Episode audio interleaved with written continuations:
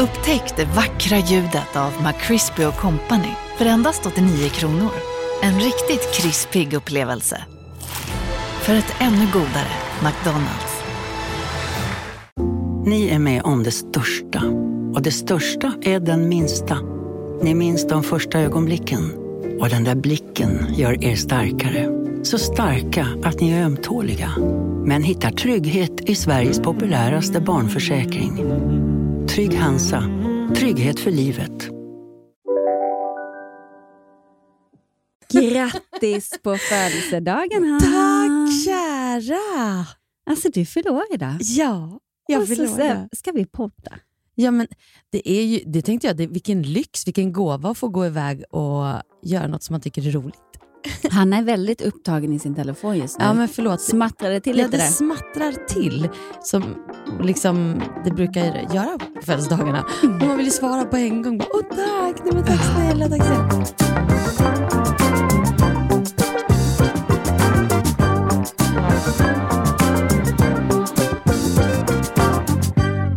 Det här med att fylla år, jag tänker vad det är, har varit i omgångar jobbigt. Liksom. Det Men nu- känner inte jag. har du aldrig Jag känt har att det... alltid älskat att fylla Har du det? Nej, men jag har nog haft en, en period, eh, nu ska jag förresten, nu måste jag smaka på den här. Du har alltså köpt födelsedagsfrukost. Mhm. Nu är det en grön smoothie här som jag smakar. Helt fantastiskt god. Gud vad god den var! Eller hur? Mm. Fräsch, nyttig och god. Och det här är min andra frukost, för att i morse så kommer mina ungar in eh, och eh, Idas pojkvän eh, och har liksom gjort, jag kan inte förklara, de har gjort så här, föds, det här är liksom första gången också som, De gör det helt själva. ja, som de gör helt själva. och jag var inte beredd på det. Absolut inte, så jag blev så överväldigad. De Bra, för man ska inte hålla på och förvänta sig saker, Nej. för det är då det blir den här besvikelsen. Precis, utan nu var det bara så här, inte alls, jag hade ställt klockan och tänkte att jag skulle gå upp, men vaknar av att det, man hör ungdomar och barn i trappan som bara “ja må hon leva”. Nej, vad Nej, så gulligt. himla fint. Och så kommer de upp och jag får presenter och teckningar och Love han gav hushållstjänster som var helt fantastiska. Dis, Men. ja, men det var så smarta, det, alltså presenter behöver ju inte vara att man går och handlar. Liksom. Nej. Verkligen inte. Utan så här, plocka ur diskmaskinen ett antal gånger, städa sitt rum. Alltså så här, Gud, då har man, man har blivit hörd på något Ja. vis också, vad man önskar sig. Äh, Det var så fint. Jag fick det här jättefina halsbandet av Ida och, och Saga hade gjort teckningar och eh, med hjälp av sin pappa köpt en rumsdoft som jag älskar. En så här Ja. klingros. Gud, Nej, på jag var tal om det himla- så kommer jag ihåg att Saga köpte ett par jättefina örhängen till mig. Kommer du ihåg när vi var Ja, på Victoriakonserten ah, på Öland. på Öland och jobbade? Och hon, hon bara såg de där örhängena och sa till dig, de där vill jag köpa till Jessica. Ja. Alltså hon är så gullig. Och det var så roligt för att du tyckte om dem. Jag älskar Och- dem, jag har dem kvar fortfarande. Och jag kan tycka det är svårt att köpa smycken till Ja. folk och bli så osäker, tvivla på min egen så intuition. Men hon är, men där, det var Så väldigt di- roligt. Hon dina- var ju sex år då typ. Ja. och bara, de där, de där kommer Jessica att tycka om. Ja. Jag vill köpa dem till Jessica. Fina Mm, ungar. ja, det var, Sådan mor, sådan dotter. nej, men så otroligt gulligt i alla fall. Sen Mm. så sitter jag där och blir typ gråtfärdig och bara, men det, det, det är inte bara det här, vi har gjort frukost också. Då hade de gjort omelett. Och, alltså nu pratar vi liksom, Va? de hade sovmorgon dessutom, ungdomarna. Jag tänkte så här, bara, what have I done to deserve this? Nej, men, Mm, det vet jag. Så otroligt fint. Så att jag har haft den bästa födelsedagsmorgonen eh, någonsin skulle jag säga. För att det blir så, det var så oväntat och så magiskt och fint ordnat. Eh, och, så sen, Gud vad gulligt. och sen måste jag bara säga Jessica, att jag har fått den finaste, alltså den presenten. Jag kommer in hit, för det första vi båda, för du har ju också fyllt år nyligen, det har vi pratat om. Men eh, vi har fått jättefina blommor här från Perfect Day Media båda två. Mm, Och så vad glad fina. man blir av blommor. Är det också åldern? Det är åldern, för det har jag, alltså jag har verkligen varit så här, gud, waste of money. Jag är Ja. så här, köp en flaska champagne till mig istället för blommor som vissnar på två Ja. dagar. Nu älskar jag blommor. Jag Och med. Magnus är ju en blomkille, han kommer ju hem med blommor lite då och då, bara randomly. Men gud vad härligt. Mm. Det har jag aldrig varit med om, att någon kommer hem med lite blommor. Men Random. har, har du, Det- för jag har ju inte fått det tidigare, men det är ju för att jag har sagt till alla jag har varit tillsammans med, alla, alla, alla 3000 killar jag har varit upp med. Nej, men jag, jag har ju sagt att jag inte vill ha blommor, så då kan man inte liksom sitta och, och vara liksom ledsen för det. Men, men du har uttryckt att du vill ha det. Nej. Men så jag, är en jävla sopa. det här måste vi klippa bort såklart. nej, det tycker jag verkligen inte. Nej, och på riktigt, det är verkligen precis som du säger. Jag har aldrig kommunicerat, jag har nog aldrig fattat att jag skulle uppskatta det. jag har tänkt att det känns lite cringe eller lite, vad man nu, alltså lite så här, nej, men jag skulle väl aldrig uppskatta. Men, men plötsligt så, så gör jag det. Och det ja, men det är som du säger, det kanske har med åldern att göra också. Att jag på riktigt kan gå och köpa snittblommor och bli så här glad över det. Men du hade ju födelsedagsmiddag eh, slash fest eh, och hade då gjort dina små egna blomsterarrangemang. Och jag vet inte om vi har pratat om det tidigare, men du har ju lärt mig hur enkelt det är. Man kan typ köpa blommor på ICAn Ja, och ja, men liksom göra små gulliga arrangemang. Och man blir så glad. Visst tog jag fina bilder? alltså på riktigt Jessica, det var så fina bilder så att jag... Jag såg att du snodde dem, Ja. men du fotokräddade inte mig. Jag, ska skojar. credda dig på så många sätt så du anar Nej, inte. du, jag skojar. Men- Men, eh, men jag blev själv väldigt nöjd med din dukning och mina bilder. Otroligt bra kombo. Jag känner att vi Mm. kanske har en grej där. Mm. Men om vi har fått många så här, Vi är denna vecka sponsrade av oss själva. Eh, jag, ja, men man, när man får så här, jag är liksom inte riktigt van vid det. Att, att folk skriver... Ibland kan jag också tycka att det är så här lite genant. Titta vad jag har gjort. Alltså, men varför ska det vara så? Det är också det jag tycker om med Instagram. Att det inte behöver vara att man lägger ner den där, inte ska väl jag. Utan Ja. att, någon, att man säger, Men vänta, nu måste du backa fattar. bandet. Ja. Eh, du sa det kan vara lite genant att säga titta vad jag har gjort. Menar du dukningen då? Eller Ja, men ja, märkligt nog. För att när det har med mitt jobb att göra, då är det liksom ändå så här, min, min profession och min... Så här, Och det känner du dig stolt över att visa? ja, men det så? är någonting jag till och med tar bet- betalt för ju. Det Ja. är mitt jobb. Och då är det precis som att det finns ingen sån här, inte får väl jag, inte ska väl jag, utan det är så här, det här är ju mitt jobb. Mm. Så det här ska och det jag, får man visa det får upp. man visa upp. Mm. Men, men plötsligt då när det kommer till sånt där, nu är jag bara djupt ärlig, men jag tänkte på det, att då känner jag mig lite så här bara, nej men varför ska jag lägga upp att jag, och så här, vad fint du kan, alltså jag blir skitglad, Ja. men det är någonting som bara så här, ja fast det var inte så, det var inte så, det var ju Ah, inte ska man så svårt. förminska Ja, det? Ja, nej, det var får väl inte så... Nej, men då, tänker jag verkligen säga att det till mig själv och till oss alla där ute. Vad underbart att man, att man faktiskt får säga det om sig själv och Mm. visa upp. Titta vad jag kan. Ja, och, och jag ser det inte så mycket som att titta vad jag kan, utan jag ser det mer äh, som inspiration. Ja, Jag blir inspirerad av när andra lägger upp så fina bilder eller Åh, kolla vad hon har gjort där med blommorna, det var fint. Mm. Så det är inte så mycket så här, titta vad jag kan eller titta vad fint jag har det, utan mer om jag kan inspirera någon för att andra inspirerar mig. Ja, det där är så himla rätt. Men jag Mm. menar så att det handlar bara om min egen, så här, att tänka om någon tror att jag tycker att jag kan. Det är det. Någon, det är någonting där. Får jag liksom, ja. Och du hade gjort så himla gulligt, för eh, till dessert så hade du gjort, eh, för att alla är olika och alla gillar olika desserter. En del gillar inte ens desserter. Men då har du liksom pinpointat varje person som var där. Jessica gillar det, Lisa gillar det, den gillar det. Eh, och Sofia gillar semlor, så hade jag köpt semlor. Alltså, det var så himla... Ja, men jag, jag älskar när folk liksom tänker till lite. Ja men tack. Ja. Men jag blev lite glad när jag själv kom på det, för jag tycker det är svårt med dessert. Ja, men köpa en stor tårta och så tar folk en liten Nej, men- bit och så står den där. Ja. Men ska jag ärligt erkänna en sak? ja. Jag är ju ingen dessertmänniska, Nej. men jag kanske smakade lite av allas dessert.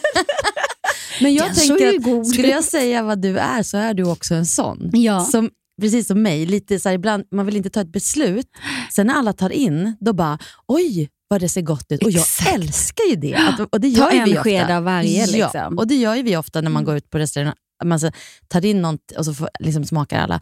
Eh, så det var ju också min plan. Att jag Mm. tänkte så här, alla här, det är inte så att bara för att du eh, är en mer en salt tjej, en söt tjej så kommer du inte ta något av smågodis. Men det var kul att pinpointa och sen, Mm. sen fick alla ta lite av det man ville. Liksom. Men Benjamin sa så rolig grej. Eh, Det var någon som hade, jo det var nog eh, Pernilla och Bianca som hade varit och käkat och tagit båda två en toastskagen.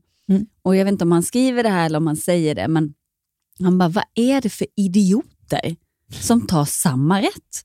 Man tar väl två olika och så smakar man av varandra. Det är så här waste att ta samma rätt. jag, jag fattar till 100 procent.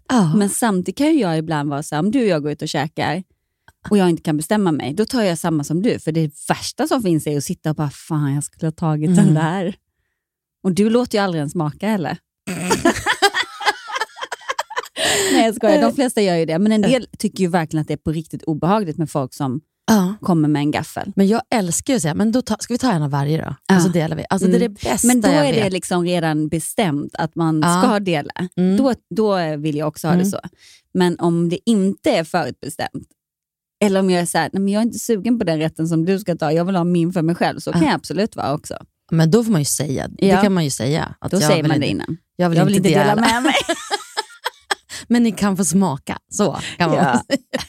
Men, men jag tänker att det är också en märklig grej, eh, tycker jag, på ett sätt i vår kultur till skillnad från många andra, där man går på restaurang, alla beställer en varsin rätt eh, och sitter och då äter på sitt, men man kan liksom inte dela matupplevelsen. Till skillnad om man går på till exempel en libanesisk restaurang där liksom alla faktiskt äter av allting, då blir det liksom samtal kring det man äter. Man delar samma upplevelse, man får olika associationer men, men till samma rätt. Jag tycker det är en så stor grej av ätandet, Men att är man pratar om därför det. jag älskar just såna libanesiska, eller liksom när man delar, bara tar in Ah. massa olika plock. Eller när man går på en fin restaurang och tar en avsmakningsmeny, när alla Mm. liksom äter samma. Och så kommer det samtalsämnen liksom som är sprungna ur Mm. här, den rätten man äter, Men, smaken. men det här är så intressant, för att jag sitter ju nu och säger att eh, vissa människor blir helt stressade av när det kommer en gaffel. Jag har ju alltså varit den tjejen. Har du det?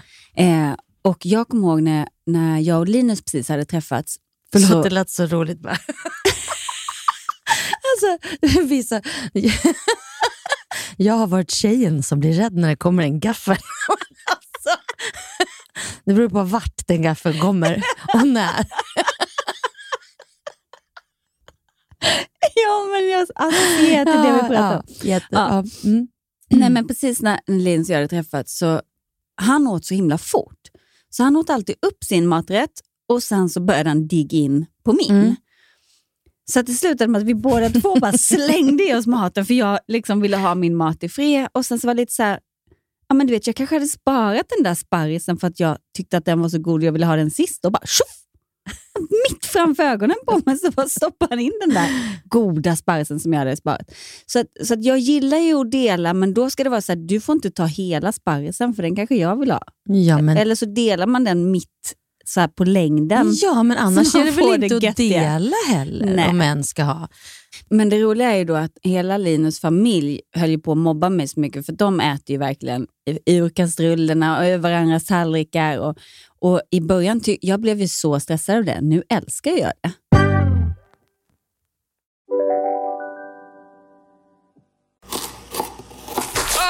Dåliga vibrationer är att skära av sig tummen i köket. Ja! Bra vibrationer är ett och en tumme till och kan scrolla vidare. Få bra vibrationer med Vimla. Mobiloperatören med Sveriges nöjdaste kunder enligt SKI. Välkommen till Unionen. Jo, jag undrar hur många semesterdagar jag har som projektanställd och vad gör jag om jag inte får något semestertillägg? Påverkar det inkomstförsäkringen? För jag har blivit varslad, till skillnad från min kollega som ofta kör härskarteknik på möten och dessutom har högre lön trots samma tjänst. Vad gör jag nu? Okej, vi tar det från början. Jobbigt på jobbet. Som medlem i Unionen kan du alltid prata med våra rådgivare. Om en yogamatta är på väg till dig som gör att du för första gången hittar ditt inre lugn, ett lugn du inte trodde fanns, som gör att du blir en trevligare partner, en bättre bilförare, en bättre kock. Du blir befordrad på jobbet men tackar nej för att du inte längre drivs av prestation utan vill göra saker som känns meningsfulla i livet. Och, ja, eller ja, då finns det flera smarta sätt att beställa hem din yogamatta på. Som till våra paketboxar placerade på en plats nära dig och tillgängliga dygnet runt. Hälsningar Postnord. Om man går tillbaka till det här med att fylla år, det som jag ville, så här, min spaning det är att vi, blir äl- liksom, vi är 47, vi är Mm. 48, men Rub it in. 48 är vi verkligen nej, inte. men snart är vi det. Men, Va? Du, har ju precis, du fyller 47. Du fyller 47 idag. Ja, jag ska vara 47 12 månader först. Men Mm. det är bara menar att det här med åldrandet och hur vi ser på, och jag vet att även min mamma kan vara så här, även en dag när hon ringer, så bara, tänk att jag har en dotter som är 47. Alltså hon tycker själv att det låter liksom helt otroligt att hon har en dotter som är 47, för det innebär ju då att hon är Inte det. Nej, precis. Och, och själv kommer ihåg när hon fyllde 47 och insåg att eh, liksom, här, att det är mäktigt att ta in det här med, med åldrandet. Men, och ibland kan jag också vara så här, Gud, tänk, att jag, tänk att man är det.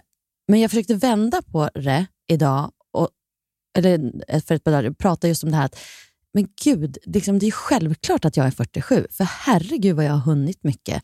Om jag Mm. hade varit något annat hade det varit superkonstigt. Alltså jättekonstigt. Men Jättestressigt liv att hinna med allt det där. Ja, och speciellt när man har liksom, de här ungdomarna som kommer upp i trappan och sjunger Jag må leva. Man bara tänker sig, men gud, de är klart de sjunger för, eh, för någon som måste vara mycket äldre än 25 i alla fall. Eller Mm. vad man nu känner sig som inuti. Man kan ju ha en själslig ålder där man liksom... Vad är här- din själsliga ålder? Om jag ska vara helt ärlig så Ska vi säga, vi säger Ja. samtidigt ett, två, tre och så säger vi. Ja, men Mm. åh gud vad svårt det här För det här måste vi utveckla lite. Då. Men Mm. själsliga åldern är 30.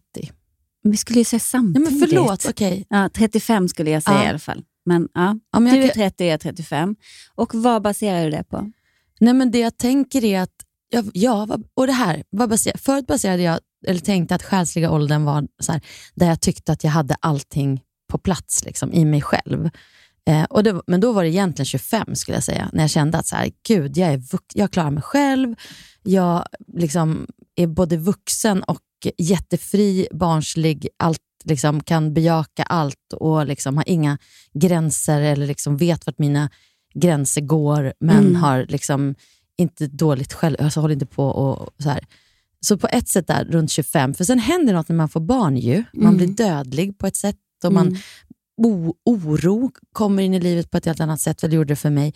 Men samtidigt så måste jag säga att när jag var 25 så kände jag mig mycket äldre än 25-åringar. Och Exakt. jag Men, har egentligen har jag alltid känt mig gammal i, i så här, eh, jag vet inte. Så nej, men jag har ju fått min- höra att jag Ah. är en gammal själ. Ja, Och när jag hörde det första gången så bara, ja det är jag. Mm. Jag sen jag var barn alltid känt mig äldre och jag har alltid känt, men det kanske barn gör, men jag har alltid varit så här, tyckt om att vara med de vuxna och Mm. tyckt om att liksom, ha äldre kompisar och samma här. Mm. äldre killar. men nu, nu vänder det. Ja, nu vänder det. Nej, men det jag menar också, att, och då blir man inte rädd för ålder. Alltså, Nej. jag har ju flera kompisar som, liksom, kommer jag på nu, två nära, som fyller 60 år. Mm. Men vi lärde ju känna varandra för 20 år sedan. Det betyder att jag är ju som de var, alltså, och jag har ju kompisar som också är 10 år yngre än mig. Ja. Att det liksom är, för mig, liksom, åldern i sig är inte så intressant, utan det är mer den här själsliga åldern. Men, men jag måste också ändra mig, för jag tänker på ett sätt så känner jag mig liksom som hundra. Alltså Mm, men jag fattar vad du menar ändå, men så som du beskrev, för det är så jag tänker också, att man, man har kvar, vi är barnsliga, man, men man känner sig trygg i sig själv, man har Mm. en mognad som kanske är en mognad som är åt absolut omogen som en Ja. tvååring. Men, men alltså, du vet, om man, om man tar en snittålder på olika delar, att man har barnsligheten och det här barnasinnet kvar Mm. samtidigt som man har en, en liksom eftertänksamhet och en mognad i andra aspekter. Mm. Så jag tror att 30-35, där har vi en bra snittålder på vår själsliga ålder. Ja, men, det, men då, då gjorde jag i alla fall en Mm. liten, en liten dikt till mig själv, för jag brukar alltid skriva små tal ju. Eh, Så skrev jag en till mig själv, eh, så här. Jag är gift, opererad, separerad och tatuerad. Har förlorat en förälder och begravt även vänner. Jag har vänner som blivit farmor och mormor, så du, det är inte klokt att jag bara fyller 47. Gud vad Ja, fint! tal till mig själv Alltså jag har typ gåshud. på födelsedagen. Ja, Gud vad ibland fint. kan man, det är väl en inte bra grej att skriva lite så här, tal till sig själv ibland. Eller så här, Ja. tankar att bara eh, liksom hylla sig själv lite grann och få sig själv höra hur man tänker. Eller man säger. Men jag, jag kommer ihåg, på tal om det här med mm, att bli äldre, och jag har aldrig haft någon åldersnoja, vet jag att jag har sagt. Men jag kom på att när jag var 25, då hade jag mer åldersnoja än jag någonsin. För jag, bara, jag tror att det var ett vägskäl där, där man så här, någonstans inte blev klappad på huvudet längre. Man blev tag- tagen på allvar. Du är tillräckligt gammal för att typ veta någonting om livet. Och, men jag visste inte vad jag ville göra, vad jag ville jobba med. Vad jag, alltså, så då tyckte jag att jag kände mig gammal. Plus att vi var ute en kväll i Göteborg. Jag bodde i Göteborg då. Och Det är en kille som, som står och pratar med mig och så hans kompisar. Och Det var så här studenter. Alltså det var, de hade så här studentmössor. Och så hans kompisar, "Men kom då, kom då. Och så säger jag, men låt dem snacka med den där snygga tjejen. Snygga tjejen? Hon var ju asgammal. jag vet inte om, om min åldersnoja föddes ur den kommentaren, men det var väldigt roligt.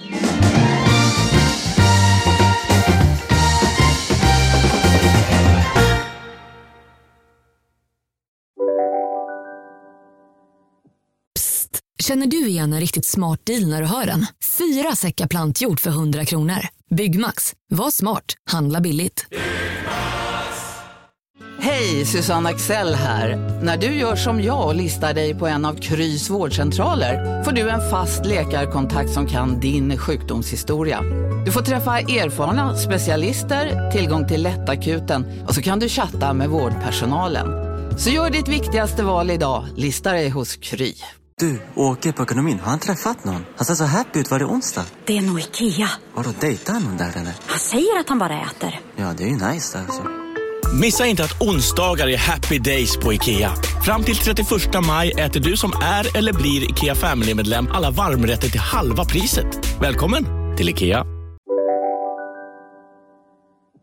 Men du, apropå bli äldre då, det är ju intressant och vi ska ju ha en jättespännande gäst i vår podd idag och prata om just åldrandet för oss kvinnor som innebär förklimakteriet och klimakteriet som vi pratar en hel del om. Eh, jag måste bara säga då, igår kväll när jag tog eh, min lilla östrogentablett vid sängen så frågade jag Saga så här, vad är det där? Vad är det för någonting du tar? Så försökte jag förklara, så här, ja men det, det är som en slags vitamin kan man säga som man behöver ta när man blir när man blir äldre, liksom, när man hamnar i något som heter förklimakteriet. Och det kan behövas liksom, eh, när mensen börjar försvinna. Va? Men gud, vadå, kommer jag också behöva ta det? Behöver alla ta det? Eller bara, är det bara du? Jag bara, nej men, nej, men det, det är alla. Och Jag kände så här, bara, shit, okej, okay, jag har inte ens gått igenom och riktigt pratat mens med henne än. Nej. Liksom. Men, Men det kanske var just därför så hoppet... det blev, hoppet blev så att ska man, vad ska man sen ha det jobbigt när man är av med den också? Ah. Ja, och Då insåg jag att jag hade ganska mycket mer att berätta för henne. Och kanske blir vi klokare efter intervjun idag. Jag hoppas det. Och, nej, men jag är så himla glad för att jag tog tag i att eh, höra av mig till Monica Björn och hon vill jättegärna vara med i vår podd och svara på våra frågor. Underbart. Och vi, jag har blivit eh, tipsad av henne av jättemånga av er eh, och även vänner till mig. Och hon har alltså skrivit både stark genom klimakteriet och stark 50 plus. Hormoner, sömn och kost och träning. Och hon är föreläsare, utbildare, klimakterieaktivist, rådgivare, yogalärare, PT. Alltså vilken kvinna. Det känns som att hon kan allt, höll jag på att säga. Nej, men alltså, det, här, det här är ju fantastiskt. Så att nu ska vi ringa upp henne och prata med henne och ställa alla de här frågorna som vi eh, vill ha svar på och hoppas att hon kan hjälpa oss. Mm. Hej! Hej! Här är Hanna och jag heter Jessica. Gud vad snällt att du ställer upp och är med i den här podden. Ja, jag är faktiskt hemma. Vi har sjukstuga här hemma så jag är hemma i karantän. Okej, är du sjuk också eller?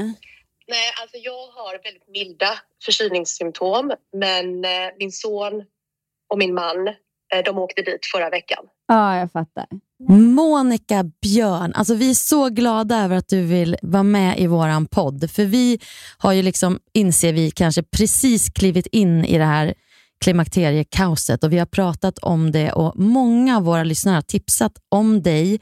Och Det är så inspirerande att läsa om dig och vi inser att du har liksom så mycket kunskap och du ut, har uttryckt någonstans att det är helt sjukt att, att det finns så lite eh, för oss kvinnor. Det är först när det drabbar oss som vi bara, vad är det som händer? Och letar upp liksom information om förklimakteriet och allting. Och du är en av de som faktiskt hjälper oss systrar som kommer efter att eh, liksom få kunskap vad det är som händer i oss. Att det är helt normalt, alla de här eh, utbrotten och alla märkliga saker som händer i kroppen. Och, och Jag måste säga att jag har också fått väldigt mycket så här, gud vad du är modig som pratar om, om eh, klimakteriet och vi behöver... Och jag bara så här, varför, varför ska det vara skämmigt? Varför är det modigt att prata om en, en helt naturlig fas i livet? Precis som alla kvinnor kommer gå igenom förr eller senare. Ja. Kan inte det är du... skrämmande när vi tänker att vi är, 20, liksom vi är på 2022 och vi tycker att vi har kommit, kommit långt i jämställdhetsarbetet i Sverige och så vidare. Så en så pass, precis som ni säger, naturlig sak är så fortfarande tabu, skämmig. Eh, det, det råder sån enorm okunskap då, både inom sjukvården och bland oss kvinnor. Och det är, jag tänker ofta liksom, men hur fasen har kvinnor burit sig åt innan? Jo, de har knutit näven i fickan och bitit ihop. Ja. Hemskt. Kan inte du berätta din historia lite grann? Hur du liksom, vad, vad var det som fick dig att skriva din första bok och vad, hur, hur ser Och du hur ut du nu? jobbar. Ja, och hur du Ja, jobbar. en liten presentation av dig. Mm. Liksom. Nej, men alltså, jag eh, har ju jobbat med eh, träning och hälsa i hela mitt vuxna liv och eh, tycker då liksom att jag är väldigt påläst eh, om, om kvinno, kvinnokroppen. Jag har läst idrottsvetenskap, jag har läst psykologi, jag har läst sjukgymnastik, jag har gått säkert tusentals timmar i eh, olika typer av träningsformer och träningsmetoder och eh, liksom tycker att jag kan och saker, saker som man bör veta då om, om kvinnokroppen. Mm. Och hamnade ju då i något slags chocktillstånd eh, när jag vid 47 års ålder eh, insåg att nej, det där som jag kände var inte att jag höll på att bli sjuk. Eh, det, det var inte det att jag eh, behövde gå och lägga mig tidigare eller hade tränat för hårt utan det var faktiskt en värmevallning. Ja. Och det tog väldigt lång tid för mig att e- liksom landa i det och ens liksom erkänna det för mig själv. För att det var en sån enorm diskrepans kring vad jag tänkte att en kvinna i klimakteriet var och var jag befann mig själv någonstans i livet. Och bara två, två och ett halvt år innan dess eh, så hade jag eh, satt liksom personligt rekord i tyngdlyftning och var det starkaste jag någonsin hade varit och så vidare. och så vidare. Så det var kaos för mig när jag då insåg att jag var i klimakteriet själv. Mm. Och då när jag började läsa på eh, och då bedrövad insåg hur lite jag kunde. Eh, Och ju mer jag lärde mig desto mer kunde jag också se ett mönster i, i min egen hälsohistoria det senaste året eller dryga året. Jag förstod plötsligt liksom varför jag hade fått ögonvaglar, varför jag, jag plötsligt hade fått eh, urinvägsinfektioner som jag aldrig hade fått förut i hela mitt vuxna liv. Ah, Eh, jag varför jag var så trött, jag ta- tappade hår, jag kunde dra stora tovor av hår Mm. från huvudet. Jag hade inte fått några träningsresultat, jag blev bara tröttare och tröttare och jag som hade varit någon slags olympisk världsmästare i sömn eh, alltid. Jag kunde alltid sova och eh, kunde an- alltid använda det som min superkraft. Kunde helt plötsligt inte sova ordentligt. Eh, och det var ju många andra eh, symptom då som jag hade som jag då förstod vad de berodde på.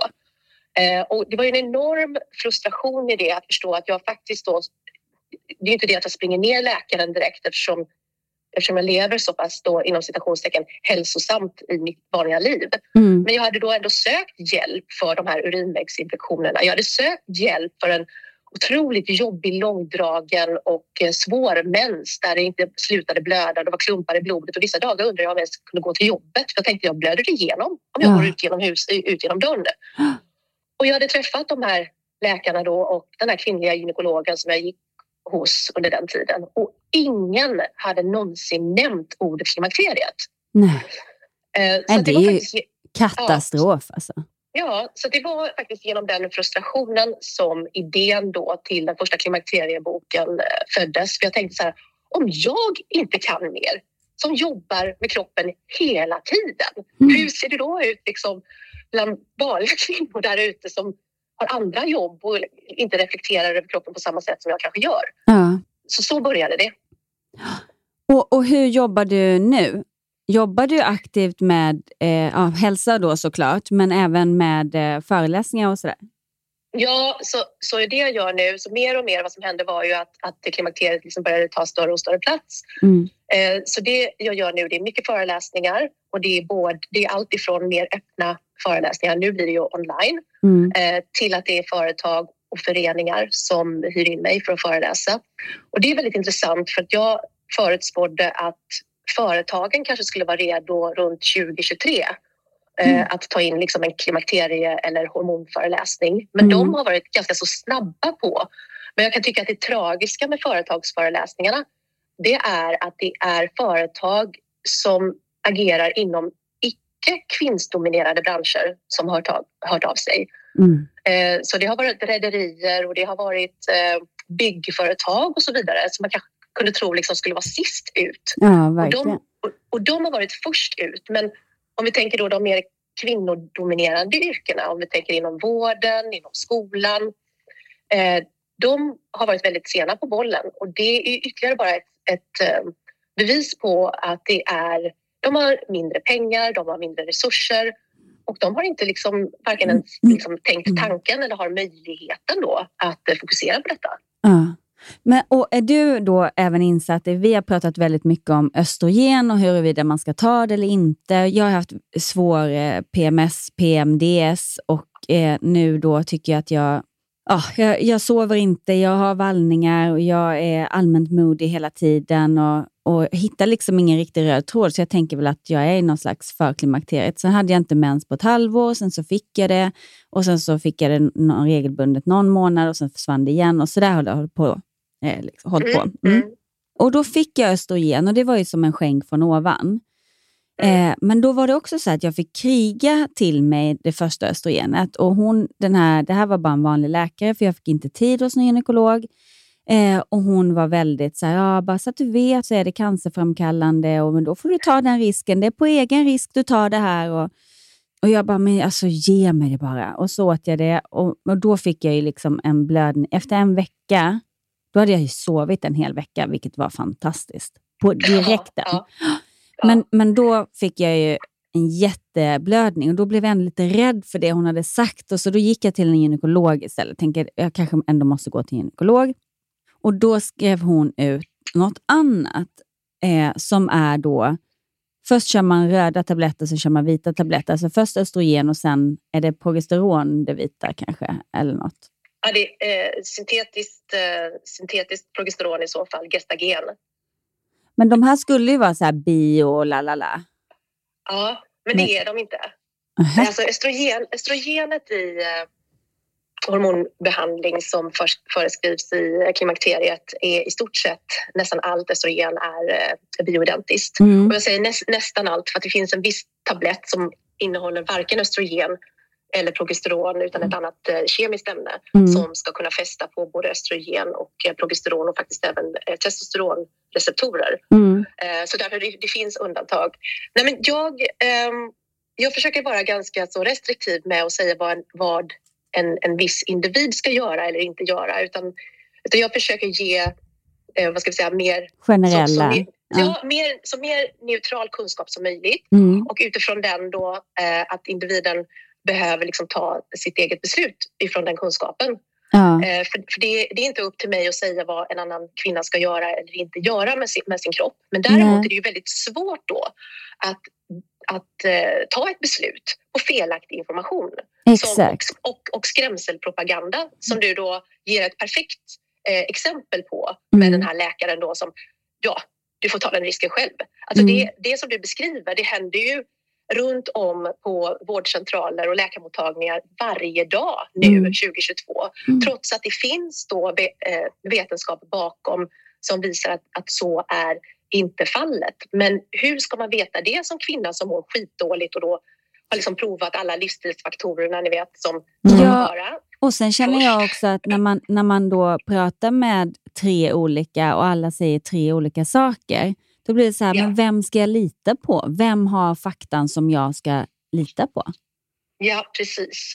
Nej, men om jag eh, bara ska ge en kort översikt på det här med hormoner så finns det då hormoner då som kallas för syntetiska och eh, hormoner som vi kan kalla för bioidentiska. Båda typerna av hormoner eh, framställs på ett syntetiskt sätt, det vill säga i laboratoriet. Eh, Så det är inte så här att de bioidentiska är nermalda växter i en mortel liksom att, som har try- tryckts in i en tablett utan båda framställs på en syntetisk väg. Och det, det som är bra med det är ju liksom att de är framställda i en klinisk miljö Mm. eh, med vissa liksom, eh, regler och, och eh, riktlinjer om eh, hur, hur de ska framställas. Då. Syntetiska hormoner de avviker i sin molekylstruktur utifrån de bioidentiska. Så de bioidentiska hormonerna har en exakt likadan molekylstruktur som Mhm. de kroppsegna hormonerna har. Ja. Och, var, och då är nästa fråga, men varför är det så? Jo, det är så för att du får inte som läkemedelsbolag ta patent på någonting som är naturligt förekommande. Mhm. Så om du ska äga ett läkemedel ehm, och liksom verkligen kunna tjäna pengar på det, då behöver du gå in och förändra någonting i molekylstrukturen, ta patent på det och sen äger du det läkemedlet. Mm. Och eh, då är det också viktigt att förstå att eh, när vi tar hormondrivna preventivmedel eh, under de fertila åren och det kan vara p-piller och det kan vara hormonspiral, Mm. p-stav och liknande så innehåller eh, de då syntetiska hormoner. Och, det, och jag säger inte att det är bra eller dåligt utan det är som det är. Och då går vi in med syntetiska hormoner och så stör vi det som finns då naturligt i kroppen, vilket då är menscykeln, Mm. för att undvika att bli ofrivilligt gravid. Mm. Medan skillnaden är när vi tillför då, framförallt då om vi tillför bioidentiska hormoner under klimakteriet, då tillför vi hormoner som kroppen inte längre kan framställa själv. Ja. Alltså det är en ganska stor skillnad Ja. i liksom an, användningsområdet liksom, och varför. Ehm, och eh, det som är eh, med syntetiska hormoner då som väldigt ofta, eller rättare sagt östrogenet som är i en östrogentablett är bioidentiskt. Men det kommer då tillsammans med gestagen som av någon outgrundlig anledning någon har döpt om då istället för att det heter syntetiskt progesteron, vilket hade varit mycket enklare, Mm. så är, har det ett annat ord för att krångla till lite grann. Eh, Så innehåller den eh, gestagen-tabletten. För då hon, vi- sa, hon som skrev ut det här till mig sa att de var bioidentiska. Nej, för då är det en annan... Det, det, de innehåller eh, dydrogesteron, vilket är ett annat ämne. Mm. Och det är vad många läkare och gynekologer försöker sälja på patienterna att det är bioidentiskt progesteron. Mm. Eh, vad man har sett är att det har inte lika stor biverkansbild som gestagener har. Men nej, det är inte bioidentiskt progesteron. För att, och det är bara att slå på FASS, eh, FASS.se, för där kan man få fram eh, in, ingredienserna. Mm. Och progesteron, får, det är endast progesteron som får heta progesteron. Okej, Så och om det man- heter bo- progesteron, då är det bioidentiskt? Ja, precis. Ja. Om det heter progesteron, då är det progesteron. Heter det någonting annat, Mm. då är det gestagen. Alltså det är inte progesteron. Nej. Och då är det så här, det är väldigt enkelt. Om vi säger så här, en fördel då med en tablett är att det är väldigt enkelt. Så för någon som bara säger, nej men jag har liksom en rutin på att alltid ta tabletter. Det är enklare för mig att komma ihåg.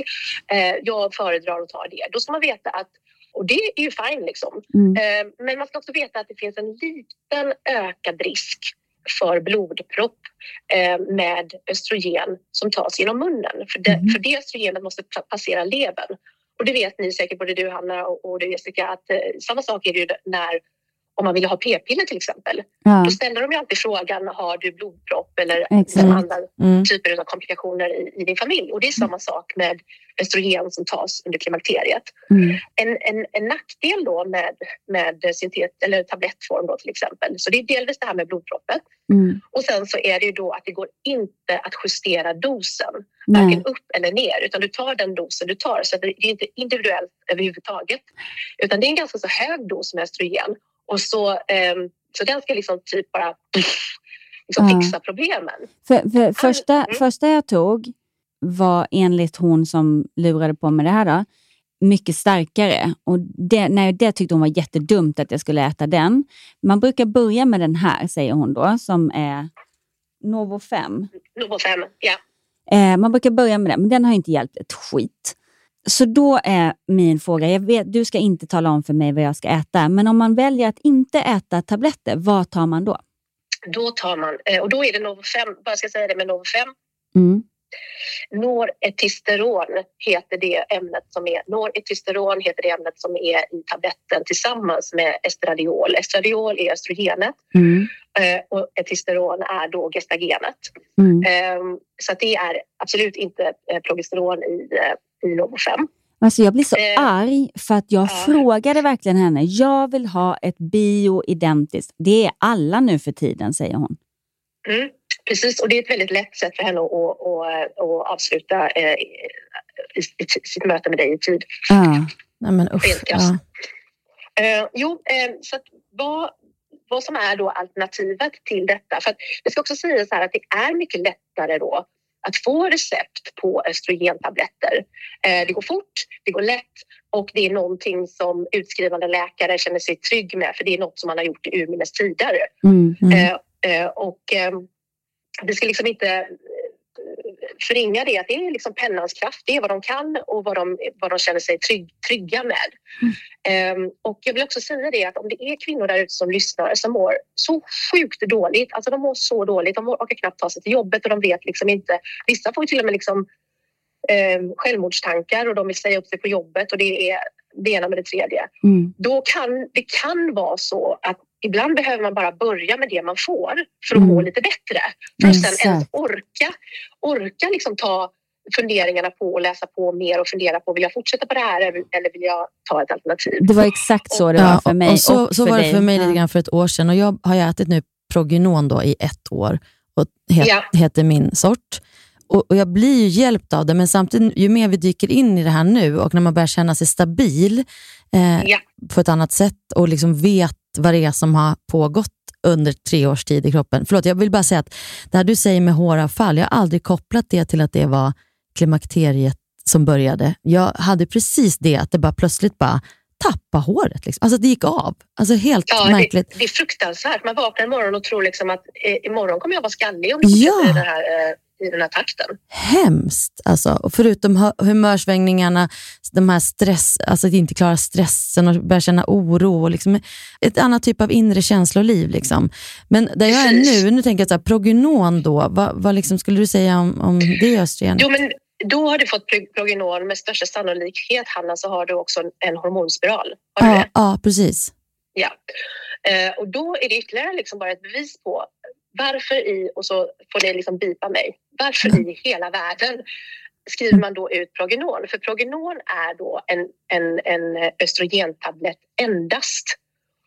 Och den ger man då till en kvinna som till exempel då har hormonspiral. För att anledningen till varför man behöver gulkroppshormon, det är ju om man har sin livmoder kvar. Så Gul, gul- förlåt att jag avbryter, men Mm. gulkroppshormon är väl progesteron? Ja, precis. Ja. Så gulkroppshormon är ju då progesteron eller i den syntetiska formen gestagen. Ja. Och, eh, det är för att östro- östrogenet har en uppbyggande effekt av livmoderslemhinnan. Och eh, har du din livmoder kvar så behöver du gestagen eller progesteron för att se till att den här uppbyggnaden av livmoderslemhinnan inte fortsätter ohämmat. För det kan i sin tur i värsta fall leda till livmodercancer. Ja, för det var Så lite det är därför jag man satt inte in. bara kan ta östrogen. Men då är det ju så här, eh, Hanna, Ja. att för dig då som har hormonspiral så hade det egentligen då Frågade hon dig någonting om du hade blodproppsrisk? Ja, det tror jag att hon gjorde. Ja, men det gjorde hon. Ja. Ja, precis. För att kom ihåg att jag sa att eh, östrogen som tas genom munnen ger en, eh, ger en lika liten ökad risk för blodpropp. Ja. Och då hade det egentligen eh, varit så kallat bättre då, Mm. mm. Krokar i luften, eh, att skriva ut ett östrogen som man tog genom huden eh, till dig. För Mm. att du frågade Jessica förut, vad är, vad är alternativet då? Ja. Jo, det, det, det moderna sättet, det moderna sättet och det som man har sett då inte ska ge en ökad risk då för till exempel bröstcancer är bioidentiskt östrogen taget genom huden i form av plåster, gel eller spray Mm. i kombination med bioidentiskt progesteron som ska tas i tablettform. Okej. Så, och, och hur vet jag då, för nu sa ju hon att detta var det. Så om jag Ja. då säger till henne, eh, jag vill ha ett bio, hur vet jag? Då kollar jag fast helt enkelt. Precis, alltså, I Sverige är det ganska enkelt för i Sverige så finns det bara en, eh, ett lä läkemedel som, som innehåller bioidentiskt eh, progesteron. Eller ett, det finns faktiskt fler men det är Utrogestan eller Utrogest. Ut, Eh, Kan det inte du skriva upp det, Hanna? utrogest. Ja. Utrogest. Utrogest eller? Utrogestan. Ja. Och då är det ju på det här viset att eh, av många olika orsaker så finns inte det att få tag i i 100 milligram, den dosen som de flesta kvinnor egentligen kanske skulle ha börjat på. Mm. Eh, utan då behövs det en licensförskrivning av utskrivande läkare eller gynekolog. Och det är alltså läkaren eller gynekologen som gör en licensansökan för att få skriva ut det här receptet till den här patienten. Och där i ligger en delförklaring till varför det är så jäkla svårt att få detta utskrivet Mm. i Sverige. Delvis så har, saknas det Eh, tillräckligt med kunskap. Då. Man har inte hållit sig uppdaterad med den senaste forskningen kring, eh, kring hormoner i eh, klimakteriet. Och det har liksom inte funnits något intresse att läsa på det heller. Och man vet då att den här licensförskrivningen tar tid. Det blir alltså, varje patient kommer då att kosta mer pengar helt enkelt. För vad som också är, som, som man ska veta då som patient, om man då kämpar för att få bioidentiskt eh, progesteron och eh, då östrogen taget genom huden utskrivet, det är att det kan vara en mycket krångligare isättningstid. Alltså det kan ta upp till flera månader att hitta rätt i balansen mellan hur mycket östrogen och eh, progesteron du ska ta för att just du ska må bra. Så här ska vi Och, och gör man det själv då eller i, i samråd med läkare? Ja, helst såklart i samråd med läkare. Men det är också ett av följdproblematiken sen. Det är ju att det saknas tillräckligt många gynekologer som har jobbat på det här sättet. Mm. Och det innebär ju då att många kvinnor blir ju lämnade vind för våg Mm. och får ju hålla på och experimentera själva eh, upp och ner då i Och kan det vara farligt då om man tar för mycket progesteron i förhållande till östrogen eller tvärtom? Alltså det, är, det är egentligen inte farligt om du tar för mycket progesteron i förhållande till östrogen för vad som händer då är oftast att du blir jättetrött. Mm. Eh, Du blir väldigt trött, du blir väldigt slö, du orkar Mm. i stort sett ingenting, du kan bli yr. Alltså det blir inte liksom allvarligare än så. Men det är svårt Eh, att experimentera då om man inte vet. Om jag, om jag skulle börja äta och så helt plötsligt är jag trött, då skulle inte jag tänka här, ah, det är för att jag äter för mycket progesteron. Nej, om man inte nej, kan precis. det här, då, då går det ju inte. Nej, precis. Nej, men alltså, eh, om vi säger just progesteronet är egentligen det, minsta problemet för det tar Mm. man ofta, vanligtvis innan läggdags och så sover man som en bebis. Mm. En väl Mm. sovande bebis ska jag säga på, på det.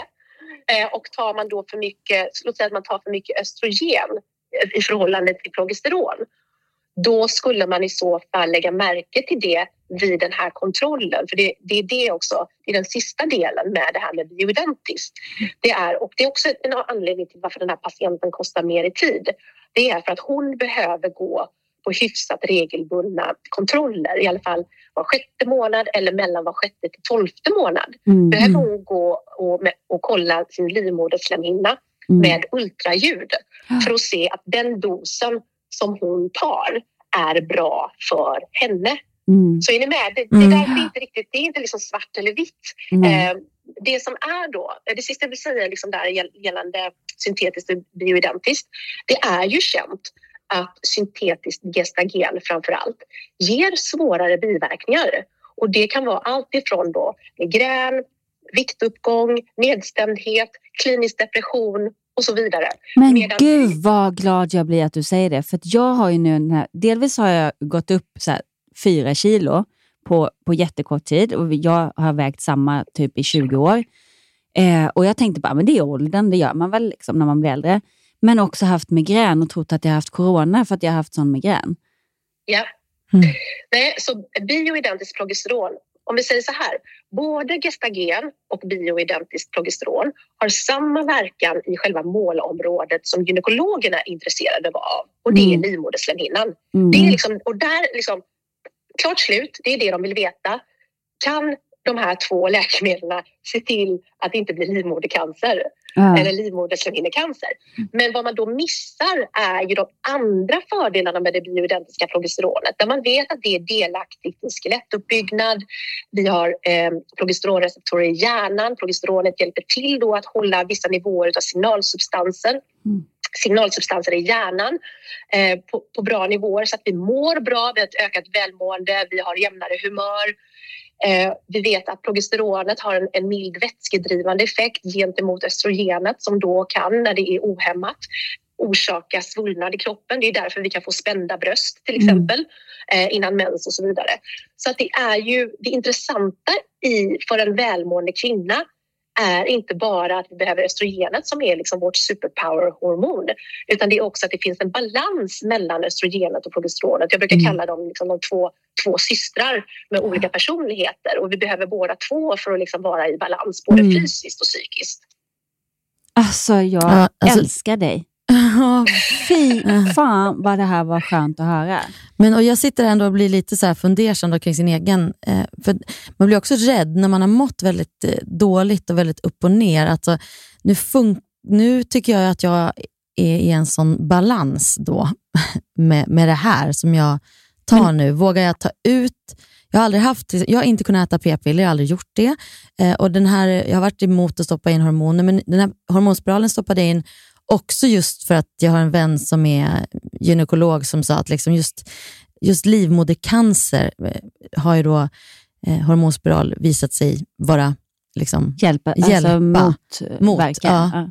När man Men, men ska åldern. man experimentera om, hon, om du mår bra och har tagit någonting som passar dig rent liksom, Nej, och det är, just, det är just därför jag inte ger individuella Nej. råd överhuvudtaget.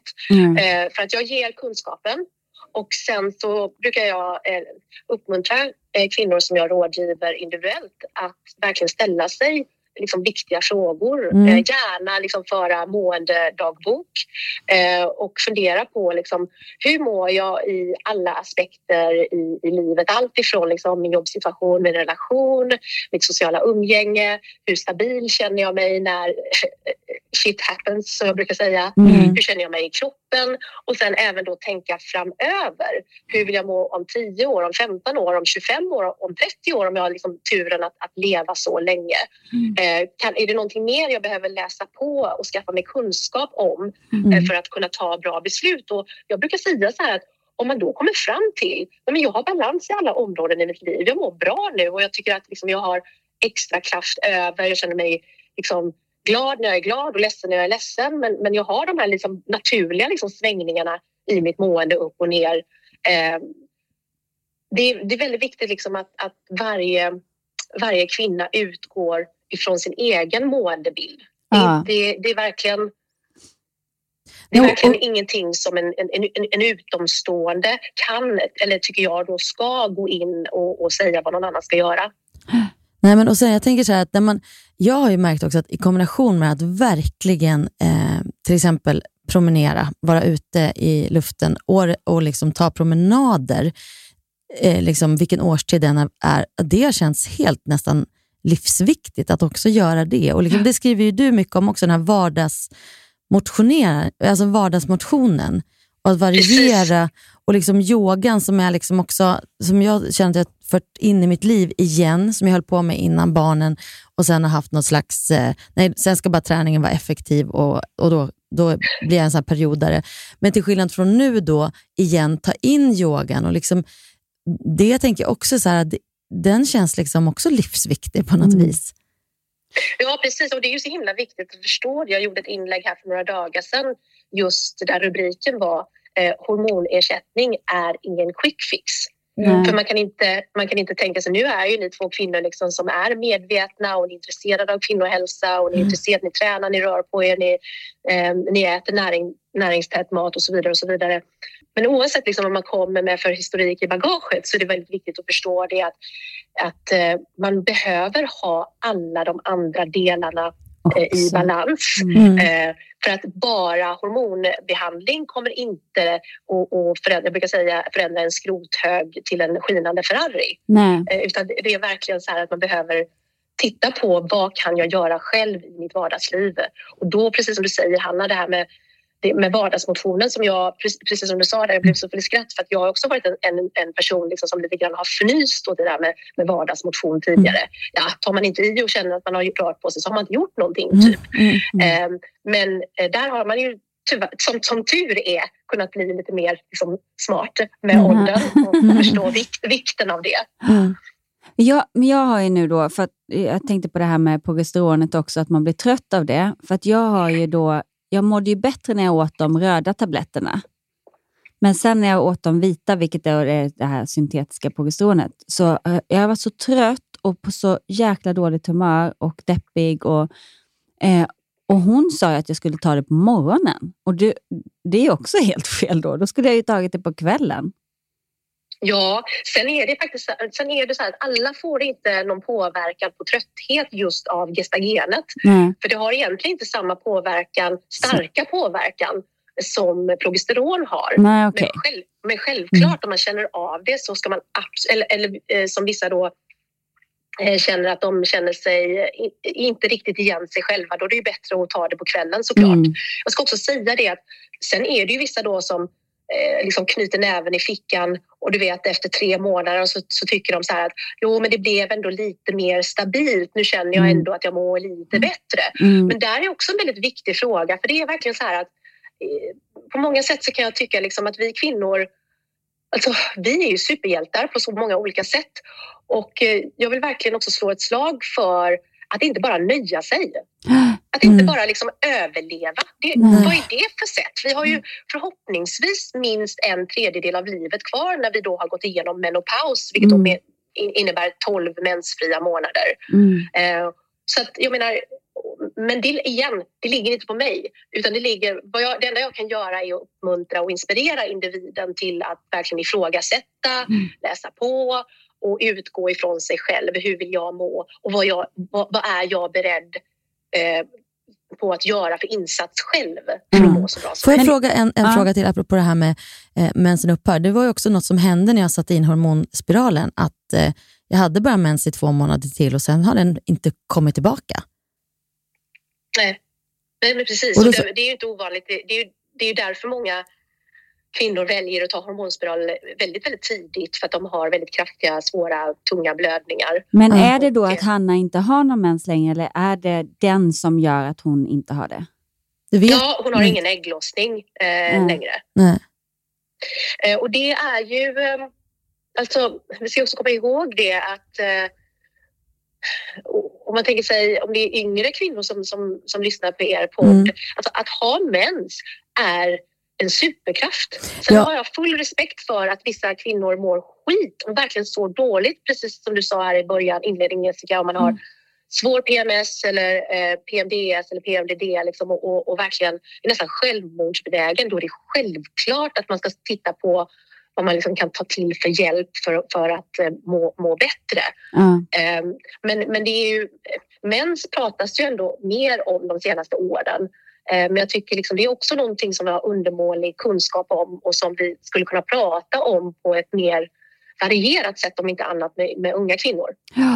Verkligen, och det, tycker jag, det, det försöker jag verkligen med mina döttrar. Och det, när de börjar komma in i så här förhållande ålder, det, jag tycker det är väldigt svårt, för jag själv har som sagt aldrig kunnat äta p-piller. Jag har provat, men det har bara känts helt fel. Jag har bara fått värre eh, PMS, alltså värre humörsvängningar och värre, eller man liksom, det har varit ett konstant istället på något vis. Så jag har ju liksom aldrig haft in hormoner i min kropp.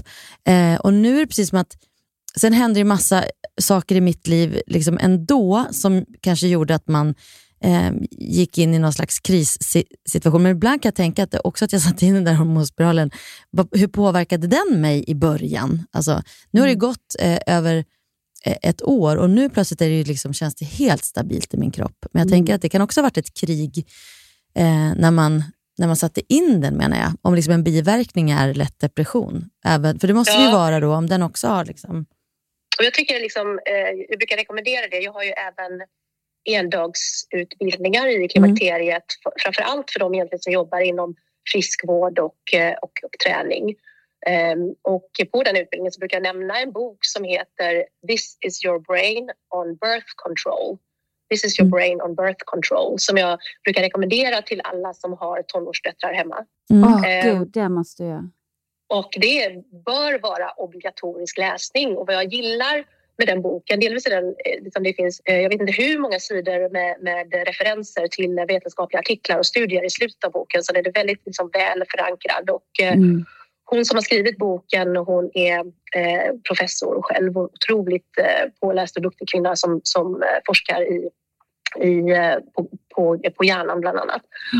Och det som är bra också, hon är väldigt tydlig med det, att hon är ingen ho- hormondrivna preventivmedel. Hon är ingen motståndare till det. Hon verkligen lyfter det att utan preventivmedel så hade vi inte kvin- vi kvinnor kommit så långt som vi faktiskt har kommit idag. Eh, Men vi har för lite kunskap om hur de här eh, syntetiska hormonerna, då, framför allt gestagen, påverkar kvinnohjärnan. Och nu finns det studier som visar då, eh, bland annat då att unga kvinnor, alltså eh, som har man brukar säga ung då är ju fram till ungefär 25 års ålder innan hjärnan är fullt utvecklad. Löper den upp till 80 procent högre risk att drabbas av klinisk depression. skriver hon i den här boken. Ja. Och då kan man också tänka men på det. alltså, liksom, ja. Utskrivningen av p-piller till exempel. Eh, Det är egentligen bara att gå till en, en, en, eh, en barnmorskemottagning eller liknande. Ställa lite frågor och sen så får du liksom p-piller utskrivet. Ja. Och om vi tittar då på den här ökade utskrivningen av SSRI, då antidepressiv medicin, unga kvinnor till exempel. Mm. Och vi bör vara mer pålästa. Eh, För att en, en annat jättevanlig, jättevanlig biverkning på, på p-piller eller på hormonspiral kan också vara nedsatt sexlust och då försvinner ju själva idén med Ja. preventivmedel för unga kvinnor Ja. överhuvudtaget för de flesta om det inte är då för eh, så kraftiga blödningar att man inte ens kan gå till skolan. Så, att, ja, så det, finns, det finns kunskap där ute men det är ju verkligen på det här viset att vi kvinnor behöver gräva upp den själva. Själva, det är ja. så att det serveras. Nej, och att vi som, vi som går före, och jag menar, det du nu har gjort liksom för oss och vi också på något vis med den här podden, att, att för att, som du säger, det slår, man, man förstår kanske inte att man är inne i förklimakteriet redan när man är 42, 43 och det börjar, man tror ju på sina känslor och tror på det som händer runt en eh, som att det är något det är lätt att ta på sig att det är man själv som det är fel på, istället för att Mm. tänka att det här är helt naturligt, för jag börjar nog komma in i förklimakteriet nu. Jag ska inte tå, liksom, klara av stress på samma sätt. Jag ska inte, alltså att vi, att vi liksom eh, pratar om det, för jag kommer att jag, det med första, man hade ju hört folk som har vallningar, men man fattade inte vad det var. Nej. Så att jag trodde på riktigt att jag liksom hade fått, eh, tänkte men gud, jag började googla, bara värmeslag, cancer, jättejobbigt, började prata med Ja, någon. men precis. Ja. Absolut. Så går man omkring med det, bara, gud, jag håller på att bli sjuk. Och liksom, innan det ens slog mig att så här, men gud, det här kanske är förklimakteriet. Och då, nu när du säger det, liksom, så här, fyra år senare, kopplar jag ihop, ah, året innan började håret tappas. Alltså, Mm. Året innan började man känna den här ar, ir, ilska som man inte visste vart den kom ifrån. Utan man försökte hitta yttre liksom, Faktorer, orsaker ja. till, till det. Eh, istället för att bara, det kan faktiskt vara så att jag är på väg in i förklimakteriet nu. Och var, alltså, Ja, jag tycker att det är, det är ganska talande att i sven, inom svensk sjukvård eh, så existerar ju inte ens ordet förklimakteriet. Utan kommer en, en kvinna och, och börjar prata om förklimakteriet så kommer hon med största sannolikhet bli ganska så dåligt bemött med det. Alltså fnys åt eller liksom, att hon får höra någonting nedlåtande om det. Ehm, för att det är ju inte en term som ens används i, i, eh, i Sverige. Nej, det är helt otroligt. ja, det måste vi börja göra. Punkt. Men Nu. jag har en fråga om, eh, nu, för nu vill jag sluta äta det som jag äter Ja, jag direkt. Kan man det bara? Alltså det är inget farligt. Det är inte som, liksom, för jag, jag nej, käkade ju antidepressiva och då fick man inte bara sluta rakt av. Men det här är Nej, inte det, så. Det är, det är ingen utsättningsperiod Nej. på, eh, på hormoner. Nej. Ja, men alltså, vi vill bara tacka så otroligt mycket Ja. för att du var med och för allt som du har sagt idag som har varit helt... Och, och Vi vill också säga det att det är ju våra lyssnare som har tipsat oss om dig och nu får vi liksom tipsa ännu fler lyssnare om dig. Så tack för att du går före. Och som sagt var, Monica Björn, det är bara att googla på dig så hittar man dina böcker, yogaklasser, du har yogalärarutbildning. Eh, ja. Och jag vill gå typ alla dina kurser du Ja. har. Tusen tack för inbjudan. Tack för det jobbet ni gör och att ni bidrar till att sprida kunskap. Jag brukar säga det på Stark genom klimakteriet-kontot att kunskap är makt, tjejer. Mm. Och eh, sharing, sharing is caring. Mm. Så eh, fortsätt ert jobb. Tack. Tack Tusen fina. tack. Vi hörs. Hej då. Vilken syster. Alltså, Gud, jag får typ rys. Ja, jag börjar gråta Ja. nästan. Och så tänker jag så att vi liksom, alltså man vill också gråta lite för sin egen skull. Så att man, som hon säger, kunskap är... Men att vi ska behöva ta reda på precis allting själv. Ja, och när, när jag då tänker att jag är världens sämsta mamma till min tonårsdotter, för att jag har liksom inte kunnat förmedla någonting när det kommer till det här. Vi har liksom inte pratat om sånt och det har vi pratat om tidigare. Att jag har varit så dålig på att jag har inte ens kunnat ta ordet mens i min mun. Det är också Nej, men det är för intressant. att vi, är, du, det som, vi, vi har ju pratat om det, för jag har ju inte Mm. haft problem med den biten. För jag Nej. tyckte att det är så jävla Varför säger vi ens... Vad sa man när man... Med, Röda veckan. Eller, jag har grejerna. Vad är det för jävla... Vad är det för grejer? Prata om... vad är det? Ja, jag har grejerna. Så sa vi hela Ah. högstadiet och gymnasiet. Jag har grejerna. Vad är det för grejer? Kan vi prata om... va- Varför sa ingen... Jag har mens. Ja, och, Nej, för och, det var äckligt. Ja, men precis. Och det, det här hjälper ju, det här är inte, det kan man inte lägga på liksom några andra än sig själv. För det, det, är, det, det är vår egen syn på oss själva. Mm. Det är där det någonstans börjar. Alltså, och egen syn på liksom, det kvinnliga åldrandet Mm. och liksom, eh, allt möjligt. Så att, vi- jag menar, det är, sen är det aldrig för sent, för det är också, man är också bra på att säga så här, gud vad jag är dålig, som nu sa du det. Eller gud vad är- jag var, har varit. Men ta, Ja, vänd på nej, det nu då. Nu är Ja, vi, nu bra. är vi i liksom, tycker vi inte mens är äckligt. Nej. Och vi, eh, Eller jag tycker fortfarande att det, att, alltså det händer ju någonting i mig när jag säger det. Jag tvingar ju mig själv att göra Gör det. det? För att, Ja. ja. för att jag tycker att jag ska inte tycka så jag ska inte känna så. Men jag känner ju fortfarande lite så. Mm, men det är bra att du erkänner det. Och så får, så, verkligen. Mm. Eh, men jag tänker också det, där, det här att, liksom vi, eh, att, att man måste våga prata om precis allt. Mm. Det var ju som jag fick en chock eh, över hur min resa med, att, eh, ja, med förlossningsskadorna som jag opererade, men det tar vi senare eh, Mm. framöver i vår. Det är Mm. också en, en till sån här tabu eh, lagd sak Mm. att prata om och folk tycker det är helt chockerande nästan när man har pratat om det. Men också så otroligt många historier jag har fått till mig av kvinnor. Som, Och jag har ju också du ett har par. också det. Mm. Så det, det, Så har, det- vi kvar. det har vi kvar. Men, men det här var ju en otroligt lärorik intervju. Ah, och Jag vill bara avsluta med det. Med henne. Tack till Ah. Monica. Eh, tack alla ni som har tipsat om henne. Jag ska verkligen gå in och läsa allt Mm. hon Och har skrivit. tack- Vilken fantastiskt grym människa. Och tack för ägglossning, tack för mens. Utan det hade vi inte kunnat ha våra fantastiska barn Nej. till exempel. Ja, så, men vi hörs nästa vecka. Det gör vi. Ha en fortsatt fin födelsedag. Tack älskling. Puss. Puss.